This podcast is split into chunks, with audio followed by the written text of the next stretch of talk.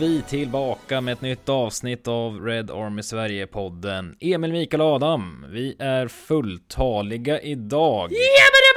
Jajamän!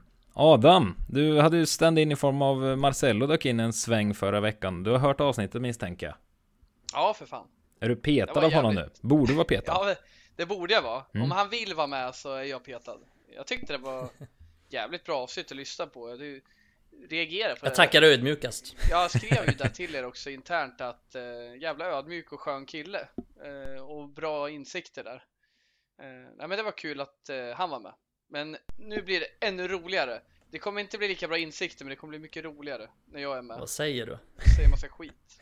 Jag är svinbra insikter. Ja, snacka inte ner dig själv nu. Det är sorgligt. Nej. Dåligt Ja, självförtroende. det gjorde du ju förra avsnittet Emil. Snackar jag ner Snackade Adam? ner oss. Nej, du snackade ner, ner mig och dig. Jaha.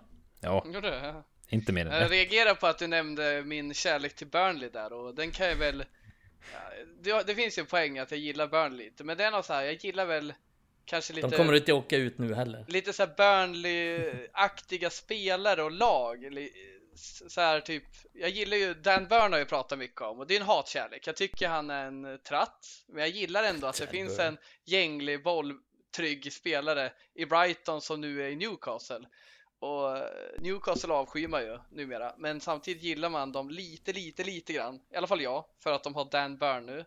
Det finns andra som Men har är- tokiga Men är Dan Burn bra eller är han bara liksom en Potter bra spelare? Jag tror att eh, Jag tror att han eh, Jag tycker det är en bra spelare Men jag tycker att han har sina tydliga begränsningar. Men ser man han för vad han är Så är han faktiskt en En helt okej spelare Han är ju väldigt bolltrygg och ändå nickstark och sådär Men han har sina begränsningar lite i speeden Han är väl... Ja men det finns ju vissa sådana spelare liksom. Man, man vet inte riktigt om de är bra på riktigt eller om de är bra av systemet. Och Leeds har ju några sådana nu tänker jag också. Men Mm. framförallt kanske i Dan Burn i Brighton är ett tydligt exempel på. Funkade i sin roll i Potters spelsätt men tveksam om han är så bra. Men Han är väl precis där han ska Han har vara. väl börjat helt okej. är precis på i rätt Newcastle. nivå känner jag. Brighton, Newcastle, däromkring. Ska härja Ja. runt där. Så han ska inte vara högre. Och, och lite de Ja, här men spelarna som, eh, ja men så här, vi ska inte prata så mycket om vilka spelare jag gillar, men som Mikael skrev här, häromdagen liksom att, att Matthew Edrington skulle ta över en match i Peterboroughs eh, U23, han skulle bli deras nya coach. Då blir man ju glad, för det är också en spelare man gillar. Matthew Ja, Edrington, det var i A-laget han skulle ta. var det A-laget han skulle ta över? Oh, Ja, ja. tillfälligt. Ja, det var så det var. Mm. Eh, det, stod, det stod kanske att U23-coachen Matthew Edrington tar Ja, över. A-laget. Ja, när Fergus grabb fick kicken igen. Men just att Matthew Edrington gör med Pennant när de spelar i Stoke, det är enkla, att du är bra på att slå inlägg. Det är så jävla vackert på något vis. Du är inte bäst på allt, men du är bra på en sak och du gör det jävligt bra. Och Mikael som lär känna mig de senaste åren, eh, ja, Matthew Edrington har rätt i, det är en spelare man älskar. Mm. Har en känsla av att Adam gärna skulle bara vilja fortsätta diskutera det här. Skit i att prata United. Ja, tack. Jag ska fortsätta. Vi går in på, nej, det ska vi inte göra. Då får vi ta en eh, sidopodd. Ja men det är en eh, perfekt spelare till Burnley om han hade varit, säg att han hade varit i sin peak när Burnley var uppe liksom. Ja, verkligen. Mm. Verkligen så. Du gillade också Rory Della på tal om Stoke va? Ja, ja för fan. Han var ju hela liksom, han- han är ju så här.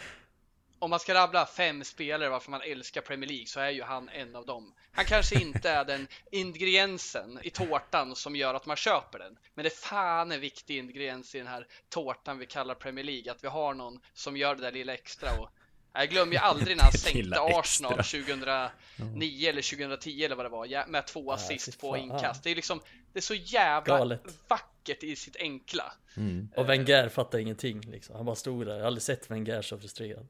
Nej, precis. Ja, det var, Ja, var det fint. så jävla vackert. Mm. Nej, hörrni, det har ju spelats United-matcher också, eller också, vi har inte pratat om någon annan match än, men eh, eh, Atletico Madrid-matchen pratade vi upp med Marcelo då senast som vi pratade om här. Eh, och där blev det 1-1 och sen mötte vi Watford i helgen, det blev 0-0. Fortsatt så här jättekul att se. United spela fotboll. Tänkte jag säga, det är de resultaten vi har att jobba med, förutom Leeds där då som var en liten avstickare. Var... Atletico var så länge sedan, nästan en vecka sedan nu när vi spelar in. Men eh, vi ska bara beröra den ändå. Vad, vad tar ni med er? Det är väl ändå ett godkänt resultat. är väl typ det jag tar med mig. Känner ni? Adam, du som inte fick snacka upp den sist. Ja, nej men det tycker jag absolut det. Och jag, jag satt ju lite med, jag hade en god känsla inför matchen och jag brukar liksom vara raljerande och lite uppgiven och kolla på matcher med lite som du uttrycker Emil, en slags likgiltighet. Men jag hade bra känsla att eh, säga vad man vill om vårt spel, men eh, jag tycker vi är lite, lite, lite cup eh, kompatibla i, i vårt lag. Sen att vi inte kan spela utåt lag eller så, men jag tror ändå finns det kuppmatcher eh, över två matcher. Jag tror ändå vi, vi kan fixa det liksom. Så bara vill uttrycka att jag, jag var optimistisk, men men det här målet, det kändes så jävla oturligt. Vissa snackar om att vi kunde göra si och så, men det tycker jag, vi kan inte göra något med det. Det är så jävla svårt det här målet. Och det är många matcher den här, eller många mål den här säsongen vi ska klandra individuella spelare, men inte det här tycker jag. Men det var ändå skönt att se att vi hade mod att hålla oss kvar den här matchen. För vissa hade kunnat gett upp mentalt och vi hade kunnat släppt in ett till mål, eh, vilket alla lag kan. Så vi håller oss kvar här och hoppet lever. Men något jag, något jag tycker i den här matchen och som även vi kan komma in senare på eh, Watford, som jag tycker syr upp båda, det är att jag tycker att eh, eh den här berömda Pogba-ballongen där vi blir helt förälskade av honom igen för att han är en fantastisk spelare när han har sin dag. Att det börjar pysa lite nu igen känner jag. Jag tycker han var dålig mot Madrid och jag tyckte han var han var inte jättebra mot Watford. Jag tycker att han var trött och, sliten mot Watford och jag tycker att han var dålig direkt mot Atletico. Och han var såklart inte det ensamma problemet. Men ska vi skapa lägen mot lag, då behöver vi Pogba. Eh, framförallt när vi haft en några matcher, då blir det en bekvämlighet och vi börjar förlita oss helt och hållet på honom. Hans kreativitet behövs centralt och jag tycker inte han har levererat. Han var dålig mot Atletico och blev utbytt eh, av det. Mm. Ja, men jag känner väl lite om vi ska gå in på Pogba här att han ser lite trött ut.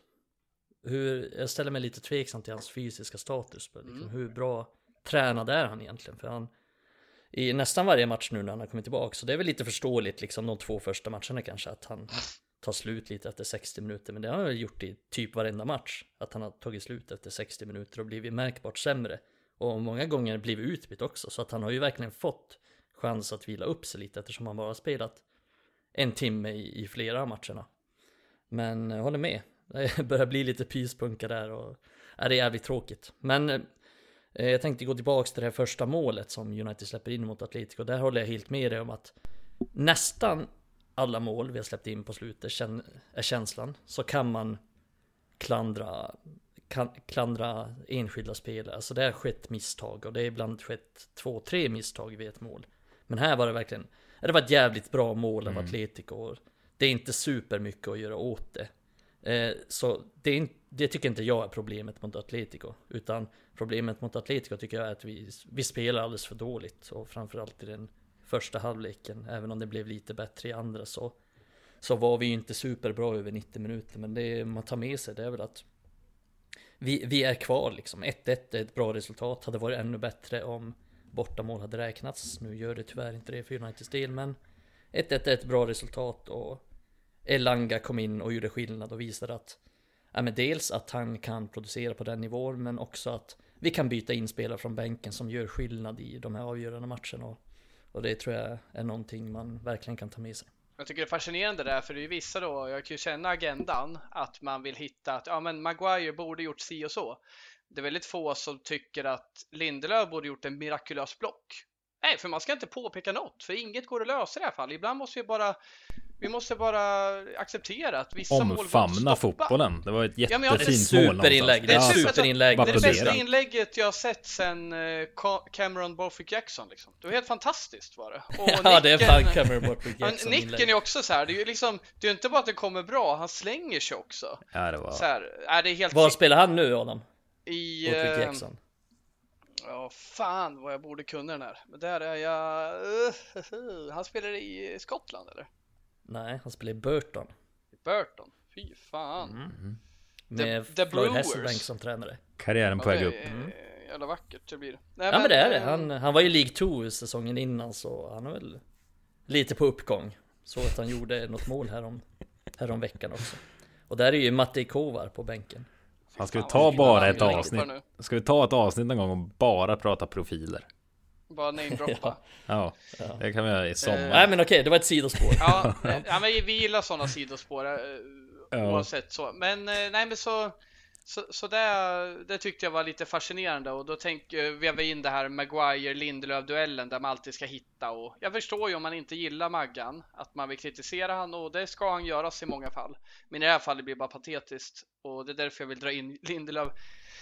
Eh, parallellen som faktiskt gör en ganska dassig match tycker jag på en position han inte klarar av, absolut. Men eh, det är få som klagar där liksom. Mm. Men, Folk eh, bara, han byttes ut, men han borde varit kvar. Ja, ja. Troligt liksom. Så, ja, båda är ganska dassiga matcher, men Maguire ska ju inte klandras för det här målet. Man ska ju klandras för allt från eh, sina individuella misstag och fyllor i Grekland de senaste åren. Det, så är det. Mm. Men... Vi ska eh, snacka om rätt grejer. Men jag tänker att det är väl en styrka i sig dock för alltså det, vi var inte bra någonstans den här matchen. Jag tycker inte det i grund och botten. Eh, så någonstans är det en styrka att att vi går därifrån med 1-1 och en sak jag tänkte på Eh, Micke var inne på det att eh, Elanga hoppar in och gör mål. Det har varit ganska många av den varan senaste tiden från Ragnik. Det har pyst ut lite kritik mot honom eh, och matchcoachningen. Och ibland undrar man vad det är för byten, det är jag också. Men eh, ja, ja, däremot Leeds bytte han in Fred och Elanga och de avgjorde. Nu bytte han in Elanga mot Atletico och han avgjorde. Det, det har varit ganska många sådana på slutet. Alltså, tror ni det är bara en slump eller ska man applådera Ragnik för det? Är det fingertoppskänsla? Ja men det tycker jag att vi ska göra. Eh, sen är det ju svårt att säga hur mycket är slump, hur mycket är liksom hans förtjänst, tajmingen i det och hur han kan förändra matchbilden. Det är ju ganska svårt att säga men om han får det rätt, ja men då ska vi ju applådera det. Och det är inte bara en gång, precis som du säger, det är inte bara en gång han har fått det rätt utan det är flera gånger nu.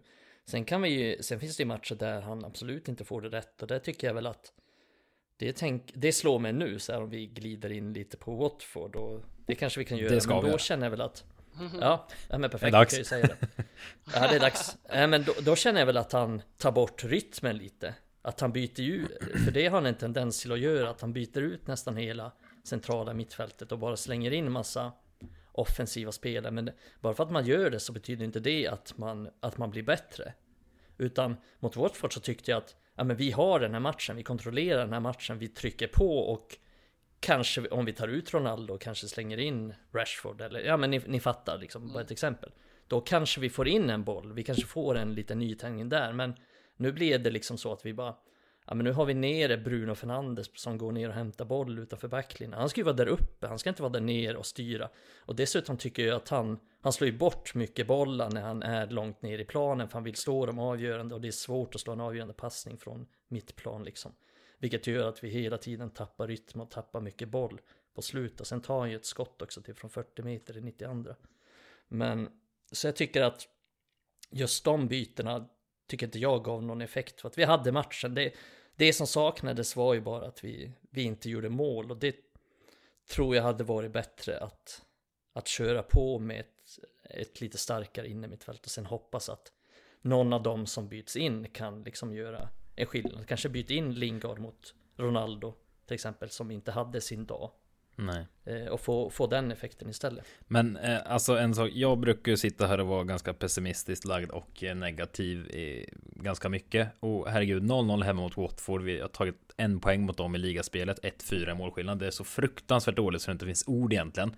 Ah, jag blir så frustrerad. Ja, men efter den här matchen, alltså jag, jag kunde inte sitta och vara liksom upprörd på samma sätt som man varit så många gånger senaste åren när det sett så fruktansvärt uselt ut. För jag tycker rakt igenom att vi gör en, alltså vi gör en bra, bra match mot Watford. Vi, vi visar verkligen att ja, men vi är det laget som ligger hyfsat högt upp i tabellen ändå och de är ett bottenlag.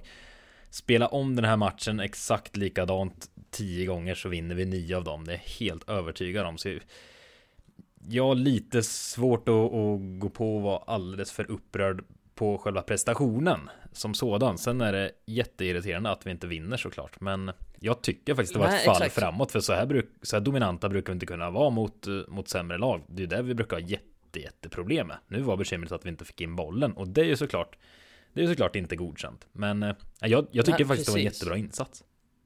Ja, precis. Och det, det är egentligen mitt enda problem. Eller jag vet inte om det är ett problem. För det är inte säkert att det hade hjälpt. Men det är ju att att han gör de här bytena, att han bara slänger in offensiv mm. och tar ut hela mittfältet. Det är väl min, min enda kritik mot honom. För jag kan inte ge någon kritik på att han ställer upp fel eller att att liksom vi inte skapar tillräckligt mycket eller att vi släpper till för mycket utan han enligt mig så gör han vad han kan nästan. Men det, Utan det är, det är spelarnas ansvar. De måste sätta de gränserna vi Jag, får. Så är jag, det. jag håller ju med er helt och hållet. Jag tycker att, eh, att eh, ha- hade vi gått bra så hade man inte ens varit frustrerad efter den här matchen. För vi måste ju ha med i kalkylen att det blir några oavgjorda matcher även på hemmaplan. mm, verkligen. Inte sällan mot eh, bottenkrigande lag så då, men just bara jag vill bara säga, ni har ju rätt, men jag förstår ju frustrationen när vi så ofta spelar oavgjort. Men egentligen i, i den enskilda matchen, vi är ju bara Ja, vi är egentligen bara att en, två, tre nyckelspelare som kliver fram och gör det här sista målet från att vinna. Det är ju lite oflyt med, ja, Ronaldo är ineffektiv i straffområdet.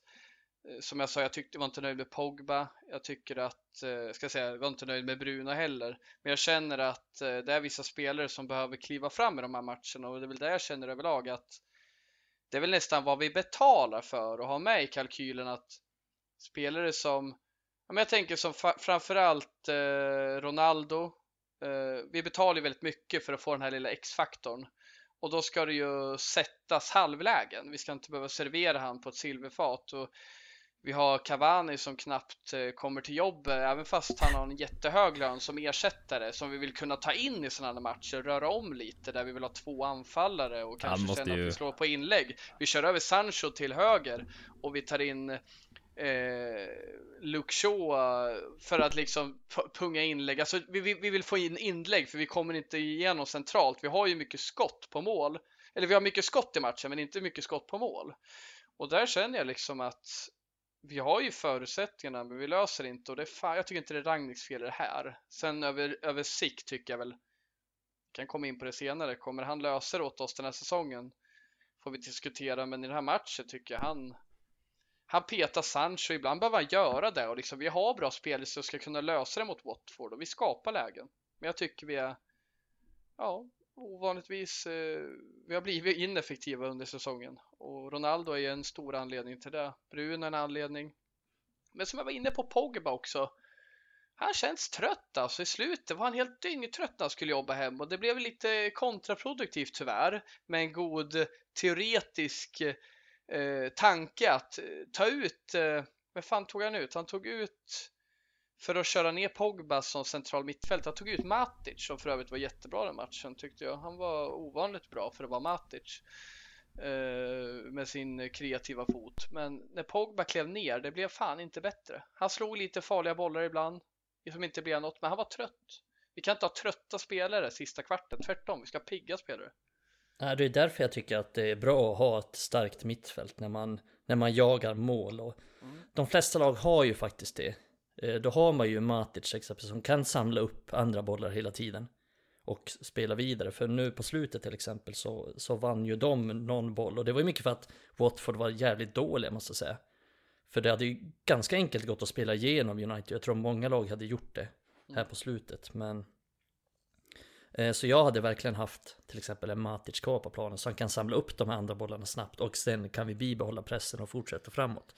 Eh, jag tycker den här matchen och många på slutet, även om vi inte har varit, alltså vi har ju några matcher där vi är rätt dåliga, kanske i en halvlek och sen bra i en annan. Men sen har vi den här matchen mot Watford där vi är ja, men hyfsat bra ändå över 90 minuter.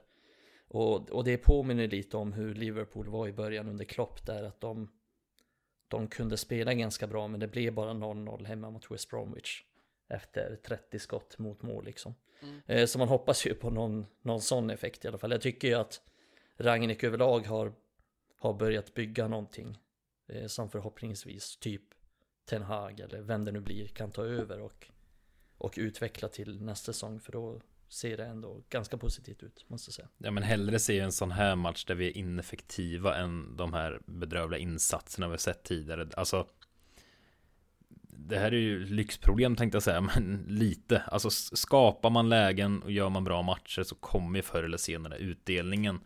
Och om vi kanske kan glida in på det här just Ronaldo, det är ett problem i dagsläget. Ett mål på tio matcher och ja, det, det händer inte mycket annat där. Det har börjat ryktas om att Ragnik eh, inte är övertygad om att eh, ha kvar Ronaldo till nästa säsong och så vidare. Och jag har varit rätt tydlig i podden att jag tycker absolut inte att han ska vara kvar faktiskt. Tyvärr. Det är bara att vinka ja. Cavani var han spelat en halv match den här säsongen. Han fan larma om du lever. Jag vet inte vart han håller hus. Ja, men fortsätter vi skapa lägen som mot Watford då, då är jag inte så oroad för framtiden. Det kommer värvas in någon ny anfallare antar jag. Och vi har, ja, ja och vi har många duktiga offensiva spelare. Alltså Sancho, Elanga, Ahmad utlånad, Bruno. Det, det, finns att ta av van de Beek för all del, eh, om han ska vara med igen. Ja, men alltså det, det är jag inte jätteorolig för. Så länge vi skapar så kommer det lösa sig. Men vad, vi måste landa i Ronaldo-situationen tycker jag ändå. Vi har pratat om honom rätt mycket senaste tiden. Men alltså, jag personligen har svårt att se en väg tillbaka. I alla fall i United. Jag vet inte om han kommer börja leverera om han byter lag och är i någon annan miljö igen. Det vet jag inte. Jag är väldigt skeptisk till det faktiskt. Vad känner ni kring det? Ja, nej, det känns inte bra alls det. Jag tycker han drar ner det mesta just nu. Ja, jag tycker att han känns ganska slut om jag ska vara helt ärlig. För, för som det är just nu så tycker jag varken han, bidrar, han bidrar inte till pressspelet, han bidrar inte särskilt mycket till spelet, att involvera andra. Och han gör inte mål. Och han lägger inte ner någon stor arbetsinsats, så han liksom höjer inte lagkamraterna heller. Så då kan man ju ställa sig frågan, vad bidrar han med just nu egentligen?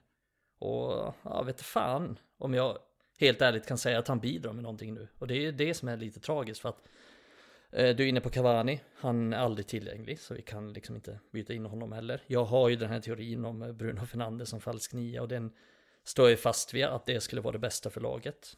Eh, även om han också missar ganska mycket nu så är ju han ändå vanligtvis en bra avslutare och han lägger ner liksom ett hårt jobb och han kommer springa mycket i djupled och kommer pressa mycket och bidra på det sättet. Är ganska bra på att spela fram andra också. Eh, så det tror jag hade varit bästa beslutet för jag tycker att jag tror att Ronaldo är slut och, och det är inte bara att han inte gör mål.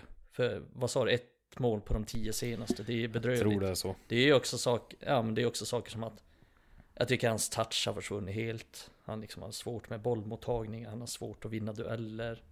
Han har, och det är inget konstigt, liksom med den åldern han är i.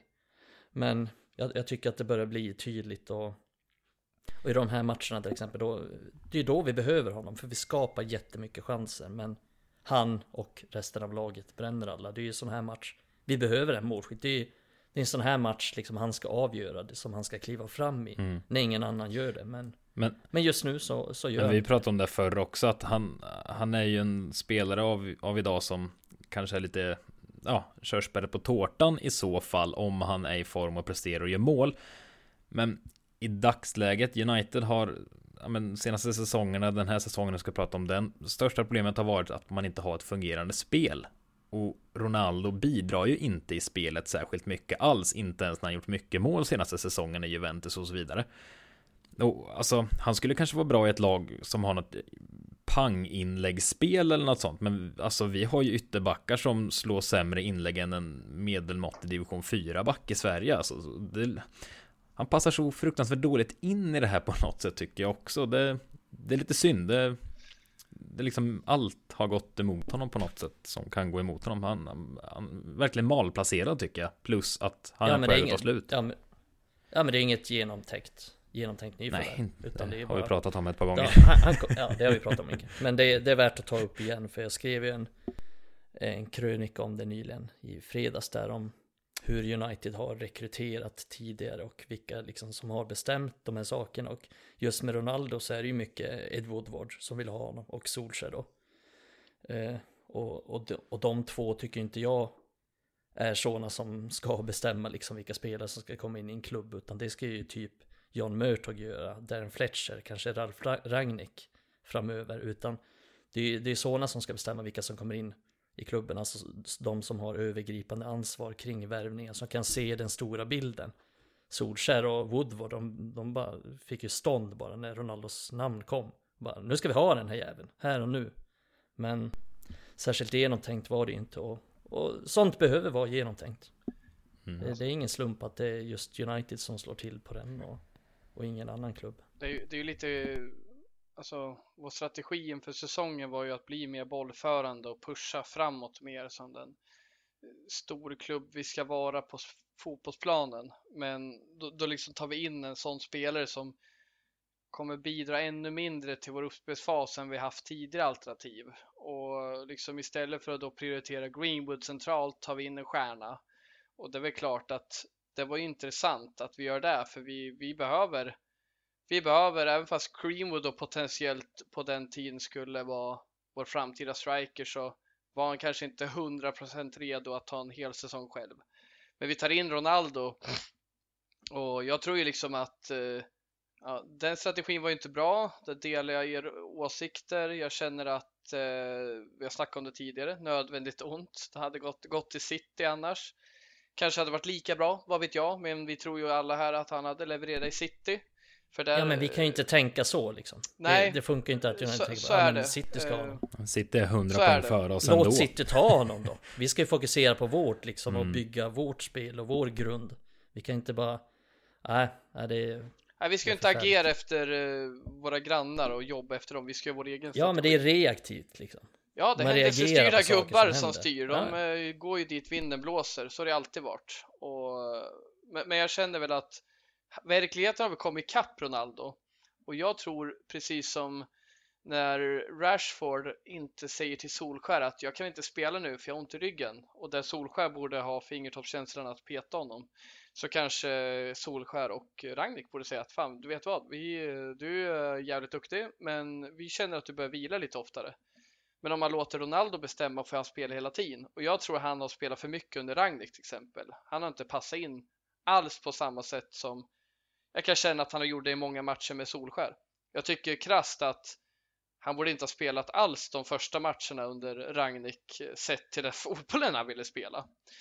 Eh, så jag känner att eh, det måste vi ändå säga när vi snackar Ronaldo. Vi säger att han har, ju, han har inte varit bra på många matcher, men han har inte varit bra, särskilt bra under Ragnik alls. Och de tiderna har varit bra under Solskär. Det är ju de CL-matcherna han spelat under Solskär. Men jag känner ju att eh, verkligheten har kommit ikapp han. Han kanske inte ska spela varje match, men nu gör han det och det som är till Ragniks försvar är att det hade varit lättare om han inte hade haft eh, ett pucko som Greenwood som eh, fuckar andras och sitt eget liv. För då hade han haft ett alternativ och känna att han kunde säga, lättare att säga nu att vet du vad? Vi har en konkurrent här som knackar på dörren, han måste spela och du, du behöver tyvärr spela lite mindre. Ja men han är ju en Sen har vi ett till pucko som inte kommer till jobbet. Sits. Edinson Cavani. Han vill inte ens spela för United, han vill vara på semester gubben. Vet jag googla. Ja men Solskjaer tvingade kvar Vi pratar för lite om Cavani. Det är ja. fan ja, aldrig varit med spelare man hyllar så mycket. Som pissar på Ja det är helt otroligt mycket han hyllar. Jag sökte faktiskt på Cavani. Alltså för att kolla Hur mycket han missar? Ja, Tog du med förra minuter? året? Förra året missade han fan halva säsongen. Nej det här är den här säsongen bara. Han har spelat 736 minuters fotboll. Det är inte mycket. Alltså en match är 90 minuter. Vad blir det? Snabb huvudräkning. Det är typ 8 matcher eller något. 9. Ja, och vi är i mars. I mars. Han har gjort två mål på de här matcherna. Det Men vet ni vad, vet ni vad, vet ni vad man ska fan. ursäkta folk som hyllar honom? matcher han varit inblandad i. Folk är ursäktade för att de hyllar honom. För han ger någonting när han spelar som mm. många av våra spelare aldrig ger. Så jag förstår att man hyllar när han spelar, men jag tror folk behöver bli upplysta också om vilken vilken karaktär vi har att göra med som tar så jävla mycket ledighet, som egentligen aldrig spelar och som fan är med vägrar ibland. Mm. Men det är bara intressant att snacka om när Martial gör snedsteg. Att han inte vill mm. spela. Att han inte är intresserad. Ja, då jävlar. Ja, så det blir lite så här mm. vidrigt blir det. Och jag blir fan arg när vi har en sån här match mot Watford där vi behöver hjälp. Och att Martial inte kommer in och levererar, det förväntar jag mig inte. Men är det som Cavani som är sån jävla kämpe? Vad fan är han? Och visst, han är skadad nu sägs det. Men det är så jävla mycket skador, det är så jävla mycket semester efter landslagsuppehåll. Ja, fan vet så jävla men det är så märkligt där också för han, han var ju... undan hela tiden. Ja, men det är ju så märkligt för Ragnik sa ju att han var skadad där, plus att han hade något magproblem. Men hade ju tränat någon dag Men fan har inte magproblem med allt som händer i världen? Ja, det... får han ju för fan skärpa sig. Ja, du har ju alltid det Adam. Ja, det har jag. Hur är det med det nu för tiden? Ja, det är väl eh, helt okej okay, tror jag nu. Jag har inte varit på ja. sjukan på länge. Ja men skönt, skönt Alla andra har kommit ifatt dig som världsläget är kanske Du liksom ligger kvar ja, med dina magproblem men alla andra hämtar ja, men, ikapp ja, men mina magproblem jag hade då De är ju ingenting mot vad man känner nu med oro och allt som händer.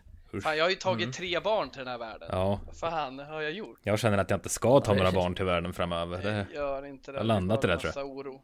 Bara massa oro. Nej, det är... herregud. Men ganska mycket bäst. kärlek också. Alltså igår då höll jag fan på att böla när eh, dottern eh, Jag är mycket föräldraledig nu så jag håller på att träna lite så här. Då börjar hon krypa lite och sen säger jag pappa. För hon gör något så här pappa-ljud. Och du vet så kan jag ju själv tro att hon säger pappa. Och sen kan jag leva med den eh, illusionen. Men sambon och grabben har ju liksom skrattat och hör, hon säger pappa. Och ni kan tänka er känslan, hon säger pappa. Så ringer dotter, eller syrra, vad säger jag, syrra, förlåt. Nu blandade jag ihop alla. Min, min sambo. Fan vad sjukt att jag blandade ihop henne med syrran. Men han bara, "Är det- min sambo ringer mig. Riktigt otäckt. I Flen Min är det sambo okej. ringer mig. Katrin är Och sen vill hon bara berätta, Katrin är Flen. Katrineholm så Då vill hon bara berätta att Lova vaknade i morse, var, satte sig upp, också kul, hon har bara satt sig upp liksom. Och uh, var sju månader hemma. Snart åtta månader. Och säger liksom pappa och tittar bort, letar. Och det är fan sjukt. Det är alltså, jag har gjort, det här har varit med om tre barn nu. Men det är fortfarande lika magiskt. Ja. Så, så kontentan, skaffa barn. Ja. Lev med oron, det är värt det. Det är värt det. ja. Klarar knappt av oron med mig själv tänkte jag säga, så jag vet inte. Men, eh, Men ja. skaffar ni barn och de ska spela United, då ser ni fan till att de jobbar bra och inte åker på semester så fort de får chansen. Vi ska spela för klubben. Tjänar man hur mycket pengar som helst, som Edinson Cavani gör. Ni vill inte veta hur mycket han tjänar. Det är helt sjuka pengar för en reserv. Men det är United i ett nötskal. Vi slänger pengar på folk. Och sätta Pengar, vad är pengar? som... En massa lappar. Elanga får lite role model för barnen i så fall känner jag. Han, han, eh, han är lätt älskad på planen, herregud. Och utanför med för den Verkligen. delen. Ja, fy fan vad Ragnik älskar Ja, honom. med. Fy fan vad Ragnik Ja, men alltså hur bra var han inte första 20 minuter mot Watford? Jag tyckte han var så fruktansvärt jäkla bra för att vara liksom ung tupp som nyss kommit in. Alltså jag tyckte det var, Ja men det är typ hans bästa jag spelmässiga tyckte det var jag. otroligt bra alltså. Jag, ja, det, Han bidrar med något som är så jävla enkelt som arbetskapacitet, energi och det gör jävligt mycket. Mm. Och jag tror det är något som eh, Ragnik hoppas, att United hoppas att Ahmad kan komma med. Men han är inte riktigt där idag. Att han liksom inte är tillräckligt kraftfull. Men Elanga, inte lika stor talang enligt mig som Ahmad. Han bidrar med någonting nu så här tidigt som fan man inte ska underskatta. För spelar vi Mm. Fifa, då använder jag hellre Ahmad. Men så funkar inte världen. Han Nej, behöver man in energi, han han behöver in kraft. Och Elanga, liksom bara med sin jävla energi tar sig förbi spelare. Fan man saknat det. mm. Ga- Gamla Antonio Valencia, jämför inte dem. Men nu liksom bara med din fart, explosivitet tar, tar du förbi. Mm. Och hela tiden vinner tillbaka bollen. Och, ja, jättefint Ja, anfall. Vilket det var ett jättefint anfall där när han sköt precis utanför. Och det är det han är bra på, tycker jag, som, som inte riktigt har kommit fram ännu. Men att han kan utmana och så spelar han vidare. Och så tar han en löpning i djupled. För det saknar vi enormt mycket. Vi saknar spelare som, som rör sig utan boll och som tar de här löpningarna. Eh, och, det, och det gör han verkligen. Och som sagt, jag, jag har sagt det innan, jag har ju sett honom mycket. Liksom, jag har ju sett honom nästan varenda vecka i fyra, fem år. Eh, och han är ju väldigt bra på att utmana en mot en. Och han är en bra målskytt. Och han är liksom tekniskt. Är han inte lika bra som Ahmad. Men han är fullt godkänd teknisk. Men Och helt okej de som sakerna. vänsterback också. Ja, precis. Nej, men det är de sakerna han kommer kunna utveckla ännu mer av laget tror jag. Som, som kommer visa sig när han blir mer trygg. Och det är att han, han är bra på att göra sin back. Och han kan gå åt båda hållen. Och han är, han är så pass snabb att han tar sig oftast förbi. Så det kommer han bli mycket bättre på. Det ser jag fram emot att se framöver från honom. Så det ska bli kul att följa honom mycket.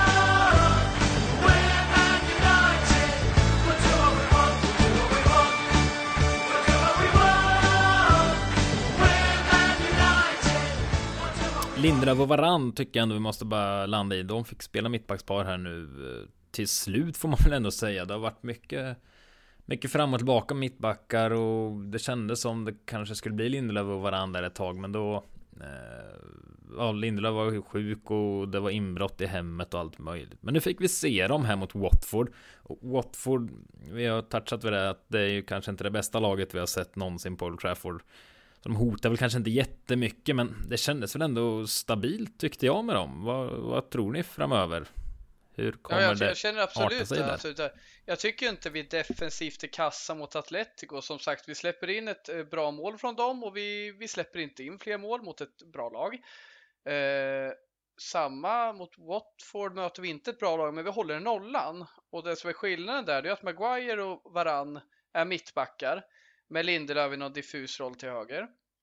Men med Maguire, jag tycker så här, vi gör en bra defensiv insats. Vi håller inte nollan mot Atletico, vi håller nollan mot Watford och Lindelöf och Varann har den statistiken med sig. Det är inget mittbackspar vi använt den här säsongen som håller så mycket nollor som dem. Och jag tycker det är framtiden. Statistiken talar för det med. Samtidigt är det intressant just att jag tycker Maguire och Varann det är inte helt galet. Det jag vill ha med är Varann. Varann ska vara på planen.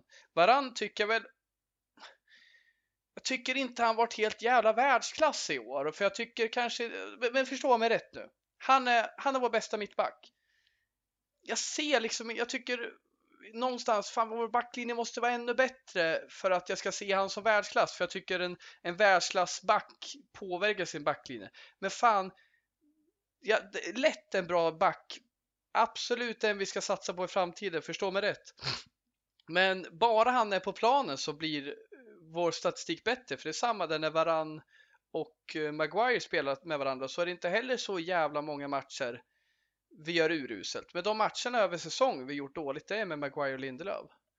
Och jag, jag bidrog lite med den statistiken efter 30 spelade matcher den här säsongen.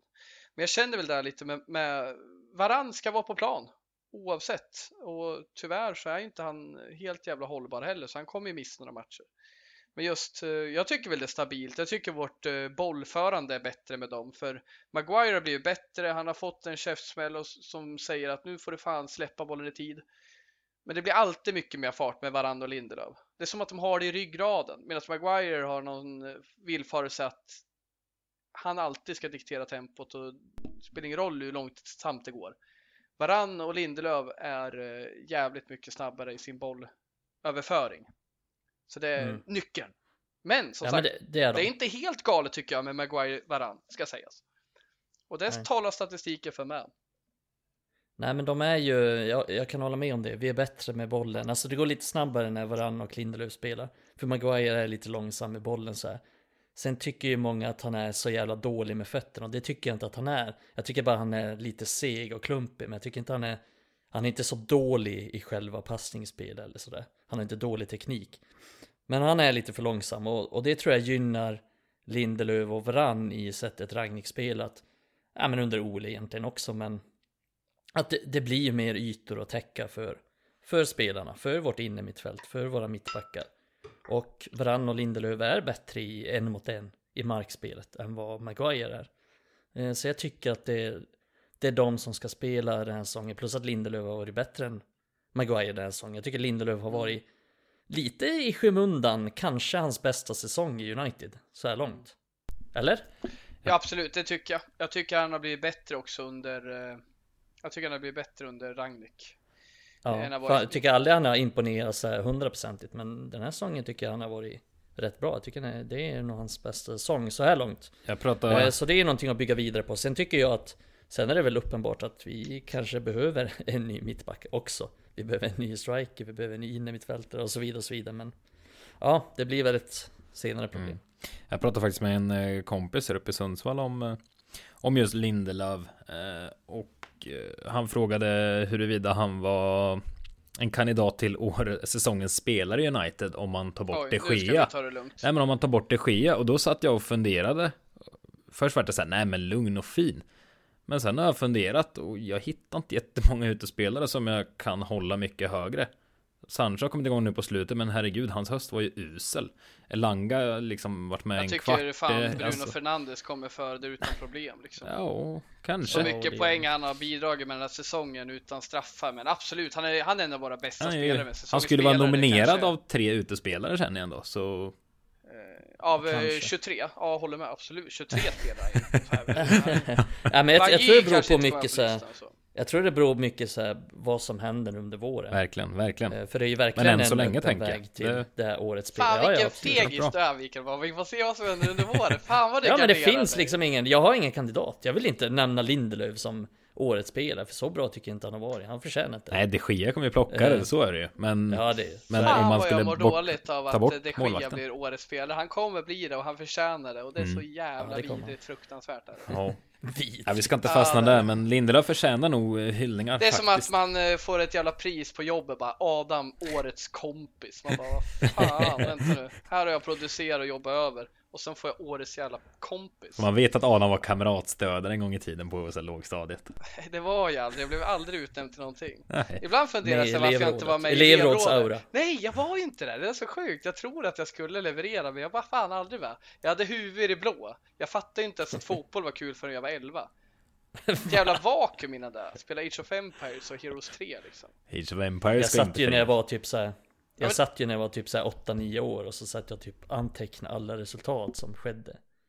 Ja, det är Så så här, oavsett liga liksom, så att jag skrev ner ett block. Där har vi en normal uppväxt. Inte att spela. Exakt. Ja. Ja. Alltså kan det vara. Eh, Frågan om vi ska lämna Watford-matchen lite därhän. Eh, Sen kommer vi säkert toucha den, eh, men vi ska, vi ska blicka framåt lite också tänker jag. Hur känner ni kring, kring ligan här nu? Alltså, vi ligger trots allt fyra, väl?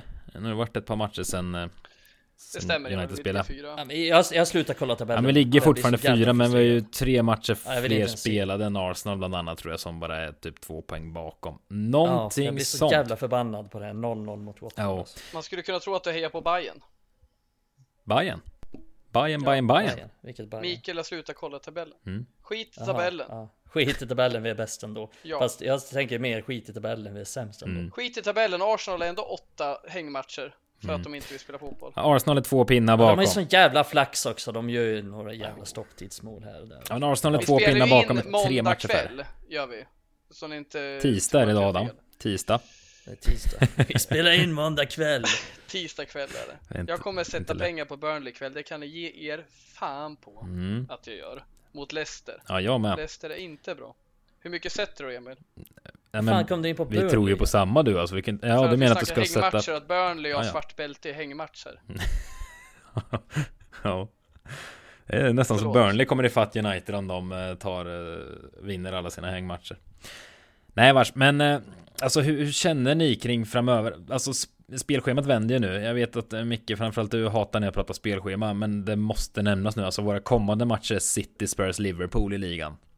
Alltså har vi någon chans? Eller talat? Va? Vad säger ni?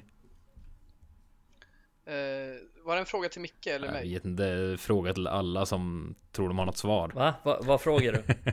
Kommande City, Spurs, Liverpool. Vad, vad har vi för chanser? Alltså, vi, vi slår väl varken Liverpool eller City. Det är väl mer där jag vill landa i. Det, vi har väl inte en chans att slå dem eller kanske gneta oss till ett kryss Jag som känner- bäst. Ja. Men Jag känner inte så här. Ragnik är rätt oprövad i de här stora matcherna. Det känns som att vi Mm. bara mött enkelt motstånd. Jag vet inte riktigt hur han kommer ta sig an de här matcherna. Jag känner inte honom tillräckligt bra för att veta hur han kommer ta sig an en match mot City. Eller en match mot Liverpool. Känner ni det? Jag har ingen Eh, aning Lite oklart. Nej, jag, hur han jag, resonerar. jag tror ju om jag ska se till vårt spelarmaterial och till vår coach så ska ju det här faktiskt passa oss hyfsat bra faktiskt men eh, Långbollar på Ronaldo som spurtar förbi dem eller? Nej men att eh, det här är så viktiga Ta- ta matcher Van där det finns in. fog. Det är svårt att peta Ronaldo mot Watford men det är lättare tror jag att göra det i sådana här matcher. Fan, där det är väl nu Bruno ska vara falsk nia. Förlåt för jag avbryter. Absolut, men nu bara absolut. slog det mig. Bruno falsk Ja, nia och Kanonläge Sancho nu. och Rashford längst upp. En Eller, gedigen eh, press då. Liksom. Elanga, Elanga Rashford längst upp till och med. Alltså Sancho, är bra spelare och viktig, kanske en av våra bästa men vi just har Langa och Rashford speed, det är ju det som ger något i de här matcherna och liksom, vi ska ju sluta snacka om att vi ska leverera någon slags fotboll. Vi möter City och Liverpool, de är mycket bättre än oss och där vi har som vi kan bidra med och som faktiskt vi kan spetsa med och pissat på vissa lag de senaste året med. Det är vår speed och vår omställningsfotboll. Den förstår Ragnik. Där har vi materialet. Problemet vi haft är ju när vi ska styra spelet. Och det gör vi faktiskt mot Atletico också. Vi styr mycket, av, eller vi har mycket boll. I de här matcherna behöver vi inte fundera på boll. Vi behöver bara fundera på hur vi hotar mot dem. Vilka ytterbackar vi ska hota, vilka ytor vi ska hota. Och eh, där har vi materialet. Är vi mogna användare? Hade jag varit tränare hade jag startat Rashford och uh, vad heter det, Elanga. Jag kan uh, ha Sancho med på planen, men jag kan köpa Mikes falskt nia där och ha Elanga till höger och Rashford till vänster. Rashford är egentligen inte världens startplats för Sanchez för att han är så dålig form. Men är det några matcher vi har nytta av honom så är det nu. Och jag petar gärna honom i, eh, mot eh, Tottenham. Jag petar gärna honom mot Flen Södra eller vad vi möter härnäst. Men inte mot Liverpool och City. Där tror jag att han kommer skapa. För det är inte så att vi är trötta på att Rashford missar frilägen. Vi är trötta på att han fan inte ska ta emot en boll. Men det är ju så för att han, han är inte bra och kanske aldrig kommer riktigt bli vår bärande spelare när vi, när vi styr spelet tyvärr. Jag gråter inombords när jag säger det för det är en fantastisk spelare, en fantastisk människa tycker jag, men han har tappat. Men mot City Liverpool tror jag på honom. Han har gjort det i alla tider, har han levererat de här matcherna. Men hans Aha, utmaning osäker. är när vi ska styra bollen. Mm. Osäker, alltså jag, enligt mig har han aldrig varit i så dålig form som han är nu. Och ja, nej men det, det, går inte att säga att det är ett säkert kort, för han har varit så pass dålig spelmässigt liksom den här säsongen. Så jag ser det som ett osäkert kort, men jag hade, jag hade nog startat Rashford ändå, för vi har inte så mycket till alternativ. Men jag hade definitivt Håller startat Sancho. Håller med om att han är ett osäkert kort, absolut, ja. det är han ju. Uh... Men jag hade definitivt startat Sancho, jag hade aldrig petat honom i en sån här match. Uh, för jag tycker att han är den liksom bästa i vårt lag på att slå de här, ja men kanske tillsammans med Pogba och ja, Bruno kanske har något att säga till om det också, men han är de bästa på att slå de här avgörande passningarna. Han har, om vi kommer i ett 3 mot 2 läge eller 2 mot 1 läge, då är Sancho den bästa vi har. Och det är de lägena jag tror vi kommer få och därför skulle jag starta honom alltid. Eh, så jag skulle förmodligen ha, säg att vi spelar 4-3-3, ja men då har jag Rashford och Sancho på varsin kant och sen kanske Bruno som falsk nia. Det tror jag är vår, vår bästa chans, men jag är lite osäker på hur Ragnik resonera i den här typen av matcher och vågar han peta Ronaldo till exempel i en, i en stor match mot City eller Liverpool för om vi tänker innan säsongen då är ju det, då är ju tanken liksom att ja men vi kom tvåa förra säsongen och då är tanken att ja men vi värvar in Ronaldo för han ska bli den som tar oss till ligatiteln. Nu är det ju förstås inte så, men det är ändå det som var tanken och att då peta honom i en sån här stor match, det kommer vara ganska känsligt för för Ragnik, för Ronaldo kommer inte vara glad om han sitter på bänken mot City eller Liverpool. Men han det, borde sitta på bänken. Det är ett tufft beslut. Eh, jag vill ju också att Sancho ska spela mycket, men jag tror, jag tror faktiskt att, eh, att nyckeln mot de här lagen och få full effekt av vår offensiv, då behöver vi riktig kraft med spelare som går i djupled och där är Sancho bra med boll, men kanske inte eh, enligt mig det bästa alternativet i djupet där vi liksom har nej, sett effekt av Daniel James och så gärna att nej, Sancho fattar, men vi behöver i... beslutsfattande. Ja. Vi får inget beslutsfattande. Alltså, Elanga, Rashford, säg att de kommer i två mot ett läge. Det är ju 2% chans att de tar rätt beslut i de lägen. Vi behöver beslutsfattande och där kommer Sancho in. Eh, sen kan det ju bli så såklart att det, med Rashford så är det ju liksom 50-50 om man är Walcott eller Pelé. Mm. Men just den här säsongen så är det ju 95% chans att han är, att han är Walcott snarare än Pelé. Och, och det, jag vet inte om vi, om vi riktigt kan lita på det, för jag är med på vad du menar och håller med om det. Att det är vårt bästa anfallsvapen, att de är så jävla snabba i djupled. Men sen ska vi göra någonting av de chanserna också. Det är där jag inte litar på att de kommer ta ett bra beslut. Men får vi in Sancho i den mixen, ja då kommer han förmodligen kunna servera Rashford i bra läge, eller Lange i bra läge. För jag tror fortfarande att får Rashford ett bra läge, eller Lange ett bra läge, ja då gör de oftast mål. För att om vi ser till liksom så här expected goals den här säsongen, då är inte Rashford dålig, precis som du sa innan. Utan det är ju snarare med att han knappt kan ta emot en boll och att han, när han får bollen, väl springer in i fem stycken spelare istället för att ta ett annat beslut. Så det är ju snarare beslutsfattande som har varit hans problem. Snarare än att han missar lägen, precis som du sa också. Han har eh, väldigt problem när han har mycket boll och eh, förstå mig rätt nu. Mohamed Salah, hade han eh, spelat United och haft väldigt mycket boll så kanske inte han haft samma utveckling på sin karriär som han har under Klopp där han har ganska lite boll och mycket djup och mycket kontringar att gå på där han behöver vara mer eh, rapp och eh, nu är ju så här, förstå mig rätt, fantastisk bollspelare, det är inte det jag säger. Men Salah är en spelare som har utvecklats genom den, den kontringsfotboll Liverpool har och kanske inte blivit lika bra i City eh, sett till sina egenskaper. Eh, nu ska vi inte gå in mer på Mohamed Salah, men, men vi delar tankarna där om eh, Marcus Rashford eh, om att han är bra eh, när väl, alltså sett till XG. Men om vi, vi säger så här, håller ni med den här då? Eh, jag är redo att peta Pogba mot eh, Liverpool. Även sitter i vissa delar förutsatt att vi inte kör nu en eh, nia. Falsk nia där Bruno är och vi kanske får in en extra mittfältare. Men jag tycker så här, de här matcherna. Jag vill bara att vi inser att vi kommer ha svårt mot de här och jag vill ha McTominay och Fred på centralt mittfält.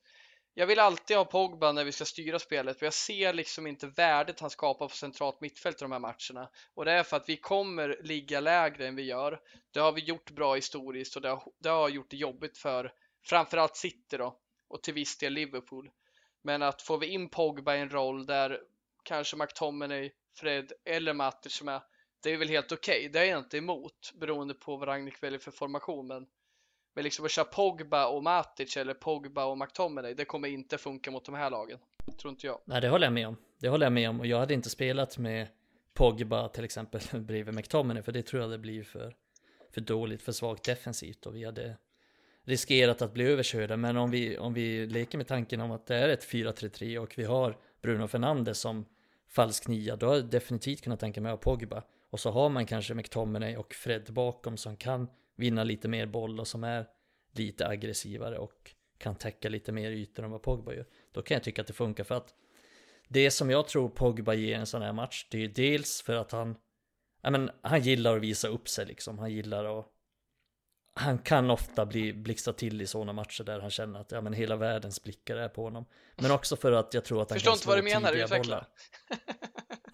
Nej men jag tror också att han kan slå tidiga bollar till, till våra anfallare och slå bra bollar. För att problemet med Fred, säg att vi spelar Fred och McTominay till exempel och så spelar vi 4-2-3-1. Ja men då kanske vi inte får de här tidiga bollarna, tidiga bra bollarna. För jag tycker varken Fred eller McTominay är särskilt bra på att slå dem. Och vi behöver kvalitet i de passningarna.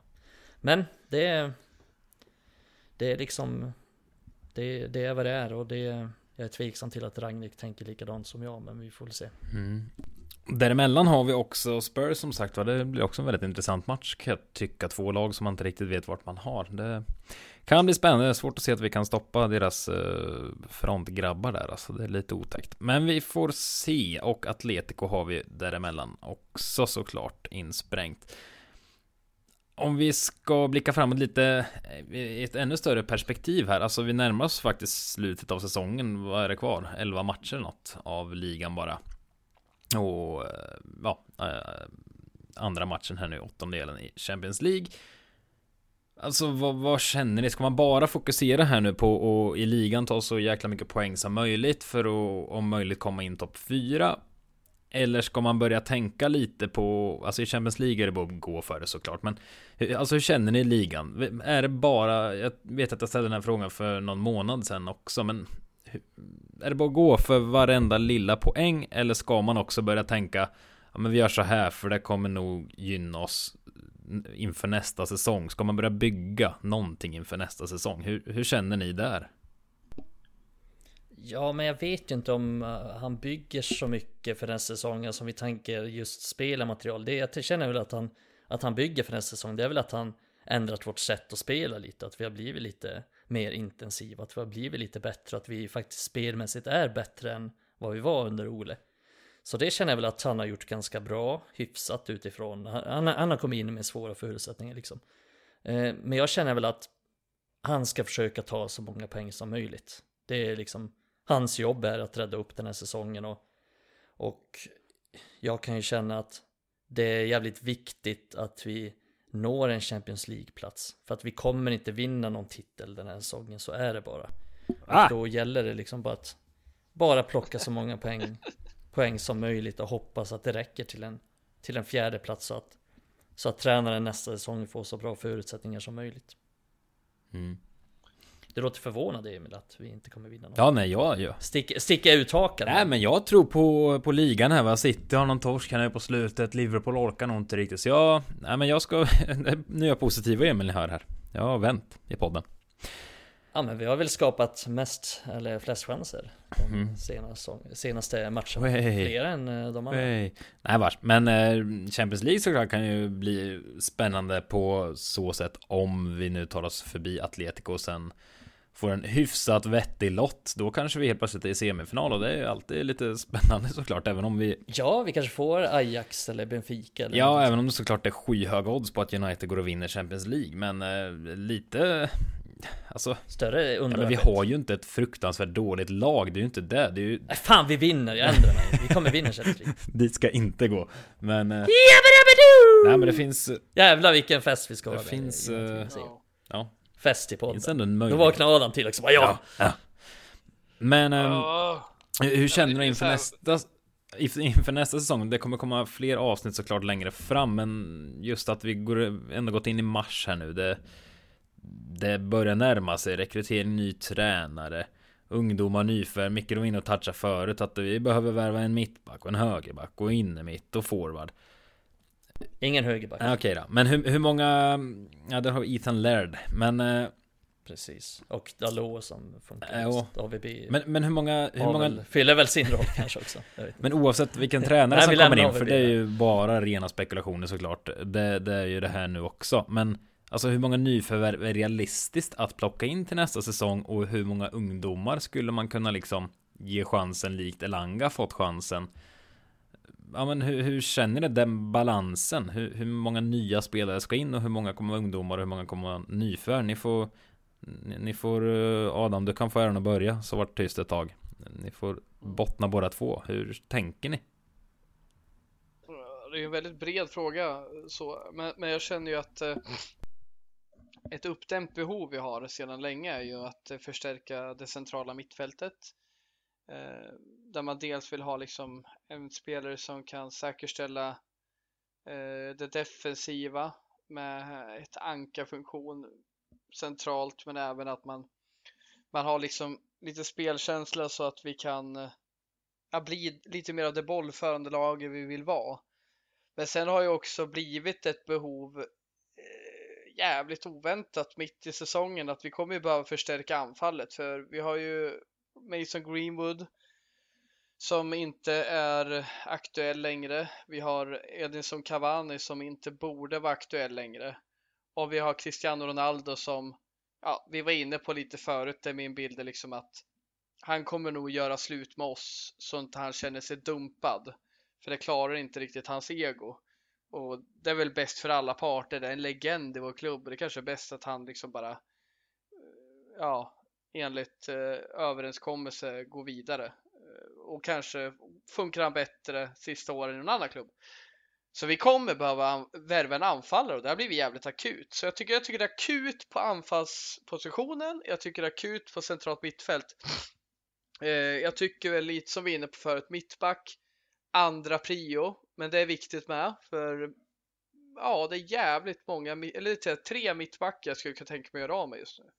Högerback är också, det är mycket, men ska vi sätta det mest akuta så är det faktiskt centralt anfall, för där har vi ingenting att komma med i, i eh, underifrån.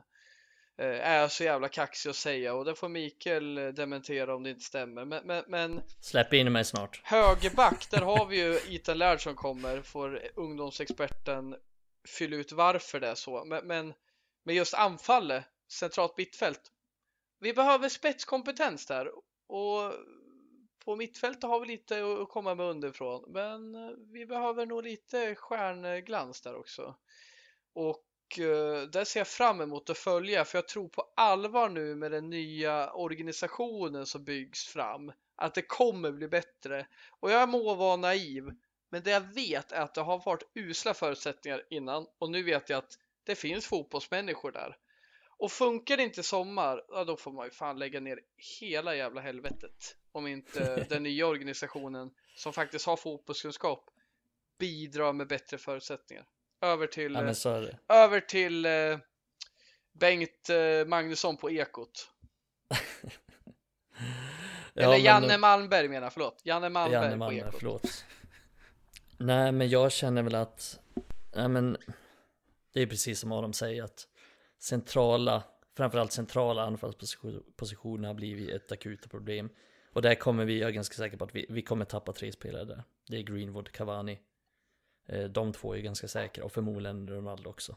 Så att vi tappar ju tre stycken som har ändå bidragit ganska mycket de senaste säsongerna. Eh, så det kommer värvas först förmodligen. Sen kommer det värvas en innermittfältare också. Eh, ganska säker på. Där har vi ganska bra framtid. Eh, vad gäller underifrån, men vi behöver ändå köpa någon som kommer in och bidrar på en gång. Eh, sen tänker jag att till exempel Hannibal kommer kunna spelas in där, förmodligen redan till nästa säsong och fylla någon roll, men det beror lite på hur det blir med Pogba också. Eh, just högerbacken känner jag inte att det är något speciellt behov av eftersom ja, men Dalot har ändå förbättrat sig en hel del, plus att vi har Ja men fan Bisaka är ändå någon slags PL-kvalitet, mm. även om jag inte tycker att han ska vara kvar i United så Så är det ju liksom inte anfallspositionen Det är inte det akuta problemet. Sen tycker jag att Ethan Laird är bra nog för att komma in och vara en startman nästa säsong. Det tror jag verkligen. Han, han skulle ju vara... kunna vara fullärd nästa säsong. Ja, han kan vara fullärd nästa säsong. Nej, men han, han, är ju bättre. Han är bättre offensivt än alla de vi har och sen tycker jag fan. Jag tror fan att han kommer vara bättre defensivt än Dalot nästa Adam, du fick för lite cred för det. det var jättekul. Nej, den är så jävla dålig plus att han har dragit den. Jag har dragit den några gånger. Han har dragit den några Jag tycker det är kul. Full Nej, skärp dig Emil. Du är som en jävla... Det blir namnet på dagens avsnitt. Det spikar vi här nu. Full nörd. så jävla svårt. Nej, och sen mittbackspositionen känner jag väl semi-prio. De, de har ju varann, så det är ju... det blir namnet, fy fan vad bra! Det är så jävla kung ja, den, är, den är för gammal. Den är för gammal. Nej men där, där försvinner ju några också. Jag tänker att Bailly kanske försvinner, Jones. Förhoppningsvis. Eh, så där kan det nog hända en del också. Eh, nej men framförallt inne mittfältet och, och strikerposition och det tror jag att United kommer fokusera på också. Det är precis som Adam säger att det är ju mycket snack om liksom så här Glazers och Uniteds ledning och så här men de har ändå gjort ganska många förändringar i sitt sätt att rekrytera och försöka få bukt med det och, och jag tror och hoppas att jag vill i alla fall ge dem en chans innan jag dömer ut dem för att Jan Mörtag till exempel som kommer ha ganska stort ansvar nu vad gäller rekryteringar och sådär har ändå, han har gjort ett bra jobb. Det är han som har värvat alla till akademin och är den enskilt största anledningen till att Uniteds akademi går väldigt bra just nu för att när han kom in i klubben så styrde han upp den och det är U18-laget som är som nu är i, i semifinal i FA Youth Cup och enligt mig största favorit till att vinna titeln. Det är ju han som ligger bakom de spelarna och deras utveckling. Sen är United i åttondelsfinal också i Uefa Youth League och han är ju, många av spelarna som spelar där är ju också hans värvningar. Eh, så han har gjort ett kanonjobb där, bra rekryteringar och sen styrde han ju upp Uniteds damlag riktigt rejält och gjorde dem till ett topplag på en gång i princip. Eh, där har jag inte lika bra liksom insikt sådär men för eftersom jag inte har sett dem allt för mycket men av allt att döma så har han gjort ett bra jobb där.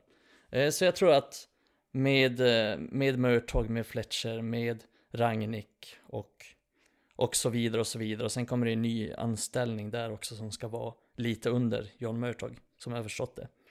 Eh, så där känns det ju som att United verkligen har, har jobbat med, med de här grejerna och försökt få bukt med det som sagt. Och, och tidigare var det ju mycket ja men Solskjaer som bestämde, Mike Phelan var med och bestämde. Och då kommer det liksom värvningar som, som inte grundas på, på data utan mer på Mike Phelans magkänsla. Som Harry Maguire, som Fambisaka, spelare som ger allt men som inte har så mycket kvaliteter som, som de borde ha för att spela i United. Det har ju också... Eh, så jag, det, förlåt, ja. men det, ja, Daniel James. Det, men det har också kommit lite det var ju lite um, presskonferens idag med nya vd Richard Arnold och Fletcher uttalade sig också. Nu har inte jag läst allting, jag har inte hunnit det idag, men det lilla han tillskansade mig var ju ändå att Arnold där poängterar ju vid flera tillfällen under en och samma presskonferens att man nu ska jobba lite mer Ja men lite mer genomtänkt, ha en liten röd tråd i tanken och att, ja, men att, det, mm. att det ska vara genom, mer genomtänkt mot vad det har varit förut. Så det,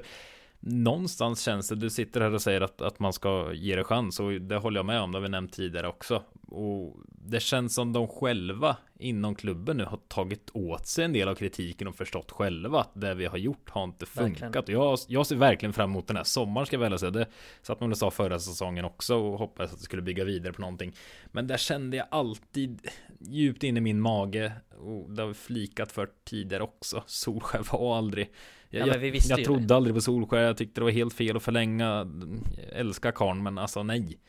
Men nu, ska man ta in en ny tränare? Jag Väldigt peppad, kommer Pochettino eller Ten Hag eller någon annan som får det att pirra lite? Och ja, Det kan bli spännande om man tar tillbaka liksom så här Van de Beek vet jag inte själv vad jag tycker om Men tar tillbaka en sån kille. Han kanske är jätteduktig under rätt tränare. Ethan Laird, ge honom chansen. Hannibal, inkludera honom. Elanga, ta med Ahmad och sen värva in tre, fyra spelare Och rensa ut dörrköttet Alltså Det finns Precis. så mycket potential att det kan bli spännande Men jag orkar samtidigt inte med om man ska sitta i höst och vara tokbesviken igen alltså Då Nej, det, det kan ju bli så, men ångest. man har ju ändå någon slags, ja men det kan ju bli så, det vet man ju aldrig. Det är ändå United vi snackar om, men då, då säger jag lite som Ara, då ger jag fan upp, det orkar jag inte. Det är Burnley Men- jag- jag- jag känner- man har ju ändå, känner man har ju ändå någon förhoppning. Ja, jag kände där lite där ni ändå vill få fram, det är just att ja, vi, vi har en förpestad klubb, vi har ägare som inte alltid vill vårt bästa, men ska vi se till faktan så har vi ju nu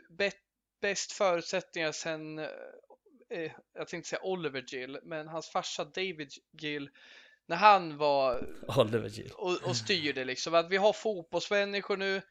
Det kanske inte blir perfekt, men vi vet att det har varit ett helvete med Woodward och han, de har faktiskt insett det klubben att vi måste ha sportslig. Nu hoppas vi att de inte bara är marionettdockor i spelet, att Ragnik kommer in, till och med får en konsultroll. Ragnik som kräver lite. Han kommer inte komma hit och bara såsa. Han vill ju för fan, han vill göra bra saker tror jag. Så liksom, det är ju inte att man bara tror på en ny sommar. Det är ju faktiskt, finns ju fog för det. Och det fanns inte för tre år sedan. Men nu, nu är vi lite där och jag känner så här. Jag tycker sett jättegoda intentioner på Ragnik som tagit några tuffa beslut nu i januari och säkert redan till sommaren för vissa och satt en exit och snackat om att vi kommer behöva din hjälp men i sommar då hittar vi en ny klubb åt dig och där kanske man har varit lite mer emotionell från Solskär och lite för eh, kortsiktig i sitt tänk för Mourinho. Men, men jag, Ja. känner, jag känner liksom att på det sättet ser jag hopp att man ändå gör aktioner. Sen får vi se om om vi är, vi är uppe i höst kanske, men, men tills dess så hoppas vi med de här fotbollsmänniskorna. M- Mikael beskriver varför Murtog, det är inget pucko, han har hållit på länge, han har jobbat inom engelsk fotboll länge, han har erfarenhet. Förhoppningsvis räcker det för att vi i alla fall ska ta oss någonstans. Men, men jag vill bara belysa så här. Förstå vilken jävla tratt han är, Ed Woodward alltså. Nu, nu har vi anställt då Murtog innan han slutar och så slutar han nu och Arnold tar över. Murtog inser ju direkt att fan, den här rollen som är en del av det Woodward hade, den klarar ju inte jag av själv. Jag måste ju ha hjälp. Och då är han kompetent Och det- egentligen Ja, och han ser ju det. För det är ju så, om du inte, om du inte har smakat på konjak, då vet du ju inte om det är gott och du kommer ju behöva lära dig det där liksom. Och han, han har ju aldrig smakat på någonting Woodward, för han är en sopa. Han är en tratt som sagt. Och han vet inte att det här jobbet är för svårt. Han har insett det för, för, då, för sent i sina förhandlingar och tar dumma beslut. United har pengar etc. Nu kommer vi ju ha liksom Murtog hanterar rätt saker, hans assistent hanterar det han inte behöver göra. Men allt det här har Woodward hanterat och kanske delegerat sent ut till någonting. Det blir proffsigare nu.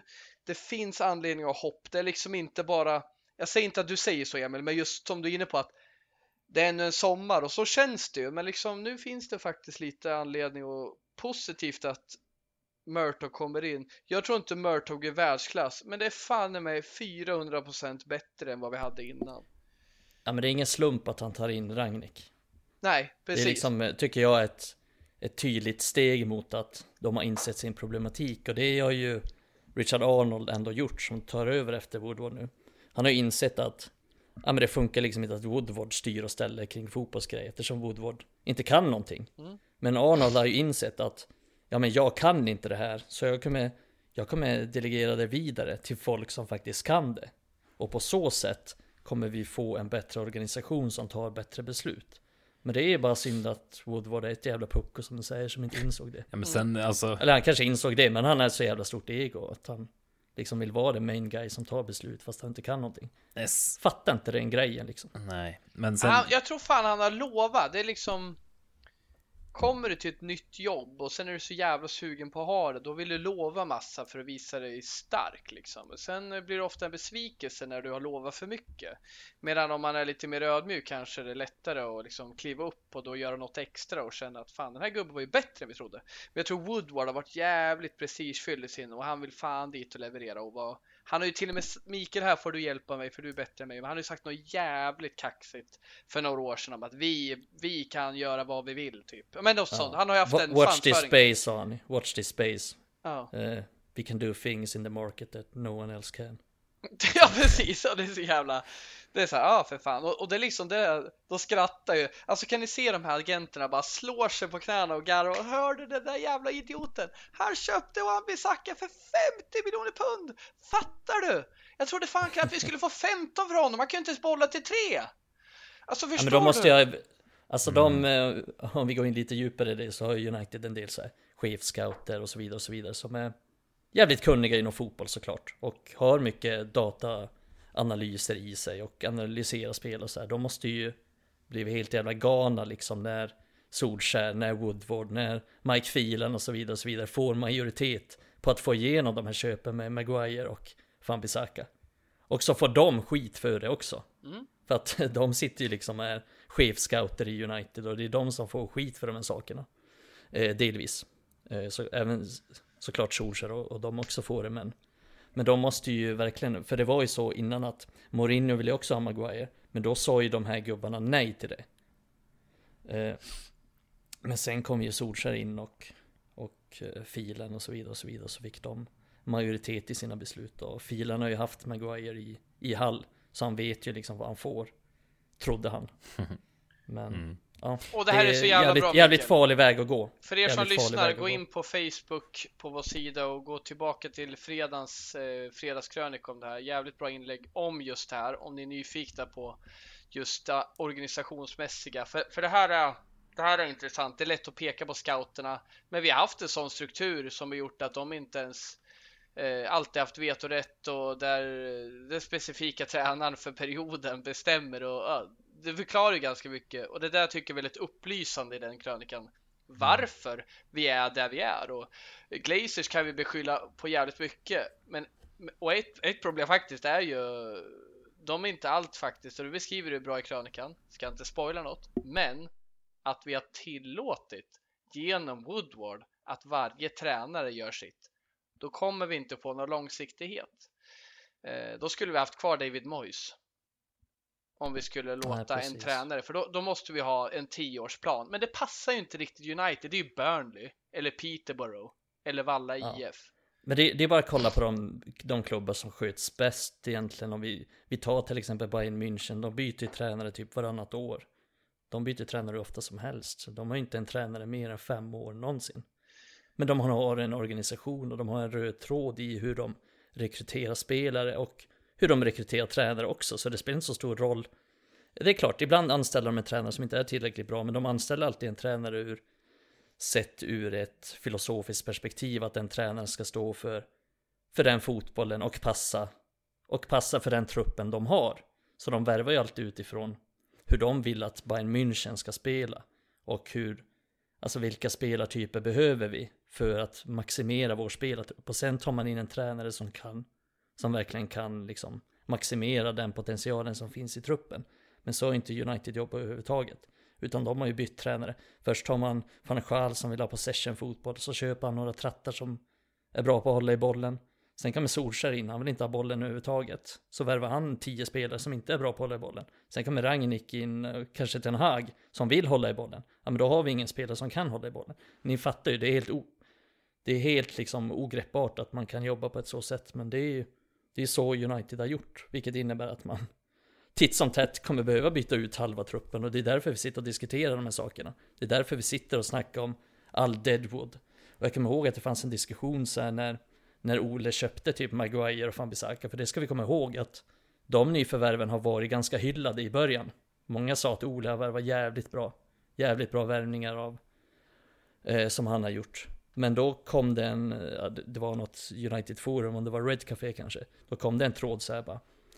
Hur lång tid kommer det ta innan Oles värvningar är Deadwood? Och så var det någon som bumpade den tråden nu. så det blir ganska tydligt liksom att alla, alla värvningar som de här tränarna enskilt har gjort har blivit liksom ganska dåliga med vissa undantag. Mm. Eh, de flesta värvningar som Mourinho gjorde, ja men vi vill inte ha kvar de spelarna nu, så de är deadwood. De flesta värvningar som Ole har gjort nu med Maguire och Fambisaka, jävligt tydliga exempel, Daniel James, ja de vill vi inte ha längre. Eh, så det är det som är så jävla farligt för att vi slänger bort så jävla mycket pengar på den typen av saker. Och det är det som jag tycker är rätt märkligt att Glazer låter fortgå. Att man bara struntar i det, ignorerar det och låter det fortgå. Men det är väl det de någonstans har insett också att det är ohållbart att jobba så utan man behöver man behöver en kommitté, man behöver en en ledning i klubben som som sköter de här värvningarna. En tränare ska coacha laget, han ska inte sitta och bestämma om det ska vara vegetarisk mat i kiosken eller om det ska vara värvas eh, vilken spelare, exakt vilken spelare som ska komma in. Det är klart de ska ha någonting att säga till om vilken spelare som kommer in, men de ska inte ha liksom hela beslutet. Man ska, de ska kunna bli emotsagda, de ska kunna få icke sin vilja igenom så att säga. Om vi tar Liverpool som ett exempel så tog ju de in Michael Edwards, tror jag han heter, som sportchef. Och då ville ju Jörgen Klopp ville ju ha Marco Reus till exempel till Liverpool. Men då tyckte inte han att, att det var ett bra nyförvärv, så köpte han Mohamed Salah istället. Och det ska ju Klopp tydligen inte ha tyckt var så jävla nice. Men han får de spelarna han får och han jobbar utifrån det.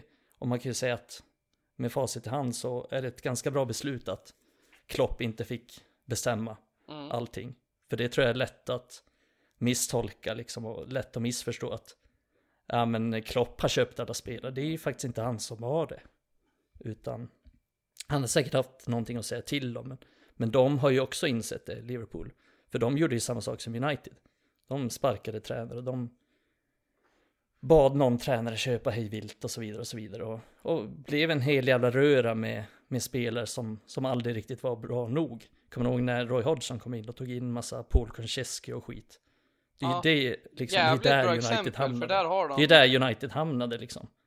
Och det är inte hållbart att jobba så. Och det är väl det Liverpool insåg. Och det är därför de blev bra.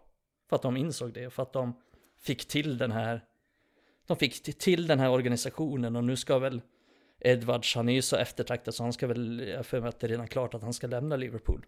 Jag vet inte vart han ska gå men men det är ju bara ett ännu ett tecken på hur viktig den positionen är, att det är, finns kompetent folk och det, om vi går in på City till exempel så insåg ju de det också. De tog ju halva Barcelonas ledning liksom. För att de vet att, ja men Barcelona gjorde de här sakerna jävligt bra, de vet vad de gör, vi tar in dem. Och ja, det funkar ju rätt bra för dem också så. Även om de såklart spenderar mycket pengar så märker man att de köper spelare utifrån vilka profiler de behöver i laget för det spelsätt de vill ha. Mm. Mm. Ja, jäkligt intressanta tankar och eh, nej, men som sagt, det känns, vi har varit inne på det tidigare med att det känns positivt att det har börjat tas lite vettiga beslut i klubben, känns det som. Sen eh, kommer vi såklart inte lämna Liverpool City bakom oss med 20 poäng nästa säsong och vinna Champions League. Det tror jag absolut inte, men vi kommer gå på ett par minor här och där. Men så länge man ser att det finns en tanke under sommaren och eh, under nästa säsong så kommer jag vara mer än nöjd. Alltså bara man ser att man börjar bygga upp någonting och ha en tanke. Mycket mer krav har jag fasen inte just nu. Men vad, vad, kände ni om sista matcherna här då? Kommer vi klara fjärdeplatsen? Jag tror inte jag fick den känslan av er om ni säger ja eller nej. Ja, jag tror inte det. Men det, det fingrat på tidigare också när vi körde någon eh, sån panel på vår Facebook-sida. Då skrev jag att jag tror faktiskt inte det. Och alltså kolla spelschemat vi har. Vi, vi tar absolut max fyra poäng kommande tre matcher när vi har City, Spurs, Liverpool. Absolut max ett kryss och en seger. Och det är riktigt bra utdelning i så fall tror jag. Tyvärr. Och då har Arsenal som sagt var tre hängmatcher. Och de har betydligt mycket lättare schema kommande och de ser betydligt mycket bättre ja. och homogena ut. Så ja. Och de har inget, de, de har inget Europaspel De har ett lättare spelschema på uh, pappret Arsenal. Och jag håller med er. Uh, det ser jävligt mörkt ut för United och det är ju liksom, jag ser inte spelschemat som problemet, det är ju att vi är så ojämna och att vi spelar för mycket kryss. Ja, vi har svårt att vinna matcher där våra nyckelspelare kliver fram. Men med att Vi måste Arsenal har ett lätt liksom. spelschema, det köper jag faktiskt inte. För de har sina hängmatcher som du nämner Emil. Men deras, deras andra matcher som kan ses som lätta, det är jävlar med krigande lag från bottenskiktet som eh, vid slutet av säsongen alltid levererar. Och det är klart de inte förlorar alla då bara för det här, men de har Leeds, Everton, de har eh, Norwich. Jag tror faktiskt Arsenal kommer att ha det tufft, men jag tror att även fast Arsenal tappar poäng så kommer vi tappa den ändå, för då kanske Tottenham kliver förbi istället. Men, men att eh, spelschemamässigt, ja, jag tycker det är ganska jämnt mellan lagen. Det tycker jag. Europaspel, det stämmer, men vi kan lika gärna åka ut mot Atletico nästa vecka. Så det behöver inte påverka så jävla mycket. Jag, Nej, tror, jag, jag- jag, jag- tror jag faktiskt, eh, jag tror faktiskt att eh, Ragnik, eller vet, så jag tror, nu ska jag vara kaxig, jag vet. Om ni vill ha facit så kan jag berätta att jag vet att Ragnik prioriterar fjärdeplatsen för Champions League. Ja, kanske det. Eh, men jag håller ju med dig där om att jag tror inte det, att det är för att Arsenal är så jävla bra. Tror ni Arsenal med sin tunna trupp, tunn erfarenhet kommer gå liksom helt jävla rent i slutet säsongen? Nej, det tror jag inte. Men jag är inne på din linje där att United tappar för mycket poäng fortfarande. Eh, ja men 0-0 hemma mot Watford. Det talar sitt tydliga språk. Och sen, sen är jag väl med där om att jag är väl med Emil där om att spelas den här matchen tio gånger, ja men då vinner United den kanske åtta eller nio gånger. Men det är fortfarande ett faktum att, att det hände och vi spelar för mycket kryss överlag. Och det, det blir tufft för, för jag tror Arsenal är lite stabilare på lång sikt. Och inte för att de är fantastiska på något sätt utan för att United inte tar tillräckligt med poäng helt enkelt. Och Spurs, ja, det är väl möjligt att de kan slå sig in där, men jag tror inte så mycket på dem. Jag tror att Arsenal kommer fyra, United fem och Spurs sex. Ja, jag tror precis som Micke där faktiskt. Den, exakt den ställningen tror jag. Och nej, som du är inne på Adam, visst Arsenal har en relativt tunn trupp och så vidare och inte erfarenhet, men det är samtidigt många lirare där som har ett självförtroende och spelar sin Behöver man så mycket erfarenhet för att komma Nej, och de spelar sin livsfotboll just nu. Det är bara alltså. ut och, alltså de går bara ut och kör. Så jag, Nej, fy Ass- fan vad jag inte håller med. Jag ser inget så här, jag, så här, jag fattar att ni tror det. För det, det, det, ni är inte ute och cyklar. Jag tycker liksom, fan jag kan inte vara så säker på det. Alltså, det, det nej, det kan inte vara. men det är lite också så här, Jag, jag tror att eh, Arsenal, varken en bra tränare, varken fantastiska spelare, eh, men bra spelare. Men en trupp som liksom, det, det är en nyckelspelare som kan försvinna och de tappar tror jag. ja men Jag, nå, någonting jag är som inte jag, lika övertygad. Ja, jag, det håller jag inte riktigt med för de har tappat spel under säsongen och alltså Aubameyang Jo, men det har ju varit till deras fördel. Ja, jag vet. Aubameyang vill för fan inte vara där. Nej nej, men sen har de också det har ju så här, varit nödvändigt ont att bli av med. Ja, nej men Saka liksom levererade inte ingen poängskörd där ett tag. Då, då fanns Emil Smith Rowe som presterade bakom kulisserna hela tiden. Även om han är lite in och ut startelvan, presterar hela tiden och gör, gör poäng. Eh, Martinelli dyker upp och är bäst i världen i 5-6 matcher. Sen har han börjat falla ur ramen lite nu igen. Men då är Saka plötsligt där och är kalasbra. Alltså det finns väldigt mycket. Lacazette börjat leva igen och de har eh, liksom... Ja, nej, det, jag tror rätt mycket på Arsenal tyvärr. Det tar emot Jag är, imponerad, jag är imponerad över deras vinter. Jag tror inte på dem på lång sikt. Jag tror inte Nej. det. Jag tror, Nej, det jag tror de, här, heller, de här kommer möta motgångar precis som alla gör. Frågan är då, ställer de sig upp och kör på? Det tror inte jag. Och Nej men det, jag tror inte, det jag tror att inte de många gör det bättre som än gör. United. Jag tror Wolves kommer tappa, jag tror Tottenham kommer tappa och United kommer tappa. Mm. Frågan är vem som tappar tillräckligt. Ja, Ni är säkra på Arsenal, det är det. inte jag. Eh, 200 spänn lägger vi i en pott, Det allihopa här. Och den som eh, förlorar jag, då ber jag om ursäkt. Och vinner ni, går ni ner på knä. Eller hur är det? Hur är det nej. Förlåt. Samtidigt ner på knä också. Förlorar jag, då går ni ner på knä. Nej men, eh, ja. Internt. Har ni hört talas om internchatten? Vi får väl säga det. Vi fick en sån kommentar någon gång. Ja, du med anonym källa. Vad sa han Mikael? Eh, nej men fan du kommer inte ihåg så exakt. Nej, det var, det var i- bråk mellan två på eh, forumet som eh, Ja, i vårt var oense. Var oense. Ja. Och då sa han så här, okej. har du rätt, då bjuder jag på öl. Men har du fel, då går du ner på knä. Och vi har inte riktigt landat i vad det innebar, men vi har vår fantasi. Och vi, ja det kan ju ta Det topp ganska tre kommentarer det i världs... Ja, men vi håller det öppet för... men det, det topp tre kommentarer i världshistorien. Jävla folk Ja, det, det finns. var så jävla kul. Uttrycka Men vi så. ska, vi, vi, vi ska poängtera, vi ska poängtera. Han blev bannad. För Ja, det är inte det okej han. som han höll på. Han var otäck så, men vi tyckte det var kul får vi säga. Det var, det var lite lite kreativ kommentar. Men det är inte Ja, okej var- att dra sådana hot eller Ja, vad man ska kalla det. Nej. Men det känns så oväntat när det kom. och Vi bara, Ja. Det, var, det eskalerade oerhört fort också kommer jag ihåg. Det var liksom, de var lite oense men det var inte så otrevlig stämning vill jag minnas. Och sen helt plötsligt Nej, kom det, det, kom där. från ingenstans. Ja, det var så här. Ja, det kom från ingenstans. Det var det som var så kul. Ja, vilken chock var. Ett tips från oss till er att vill ni fortsätta följa oss på Red Army Sverige, skriv inget sånt till era medmänniskor. Var snälla och glada och rara som ni brukar vara. Eh, Vill ni ha så kul, säg det till er polare, lite som vi gör nu, på skoj. Men inte i kommentarsfältet. Stödlinjen.se Ja, med de orden tycker jag vi börjar bli långrandiga här. Vi börjar närma sig en och en halv timme tror jag det här avsnittet. Så vi ska nog... Nu får vi byta namn på avsnittet till ner på Nej, knä. det känns oh, det, ja, mm, får vi fundera på. Det känns stökigt. Jag är ju rädd för sånt här. Jag Vi jag överlägger. är så försynt. Ja, vi överlägger. Två mot en, vetorätt. Nej, Det är som Solskjaer och filen när de får köpa Maguire. Det är vetorätt, majoritet. men det är jag som, det är jag som sitter med knapparna här och klipper och lägger ut det här. Så jag har lite... Jag har lite Filans kontroll, ögon. så att säga. Är- Man, man hör dig genom din text i din krönika, eller Mikael, att du har ju du har inte jättehögt förtroende för filen. Det hör man. Han, han kan ju ingenting om fotboll. Nej. Det är fan hårt att säga om någon som är United, men ja, du har fog att vara kritisk på honom. Det har du fan i mig. Han är säkert en jätteduktig gympalärare.